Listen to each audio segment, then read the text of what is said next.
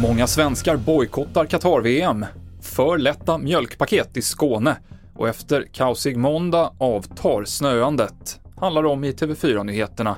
Som börjar med att berätta att en 17-årig pojke idag dömts för att ha knivmördat en man i 30-årsåldern i Sundsvall i september i år.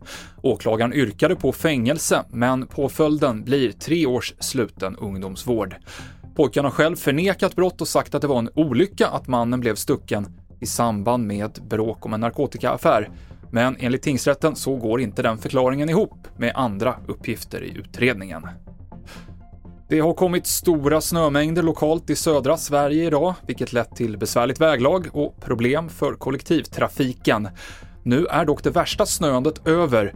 Vår meteorolog Peter Kondrup berättar hur det ser ut det kommande dygnet är ju nu under, fortsatt under dagen och fram till sent ikväll.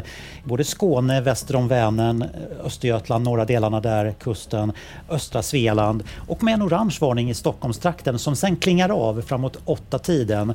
Och senare ikväll och i natt och fram på dagen imorgon då är det istället upp över Dalarna som vi har ett snöfallsområde. Alltså att det sprider sig upp över Dalarna och där det då kan komma 15, kanske 20 centimeter lokalt i alla fall. Men annars så klingar mängderna av. Och senare i veckan så väntas det bli betydligt varmare i Götaland och Svealand, med mycket slask som följd. Vissa av Skånemejeriers förpackningar saknar mjölk. Det har varit upp till 1,5 deciliter för lite i enlitersförpackningarna. En restaurangägare säger att hon märkte det här när pannkakssmeten blev för tjock vilket fick dem att kontrollmäta, rapporterar P4 Värmland. Skånemejerier säger till kanalen att man tror att det kommit in luft i systemet och att förpackningarna då fyllts med mjölkskum.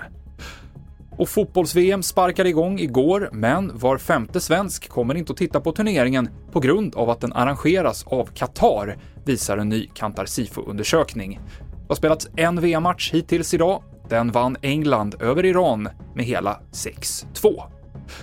Senaste nytt hittar du på TV4.se. I studion idag Mikael Klintevall.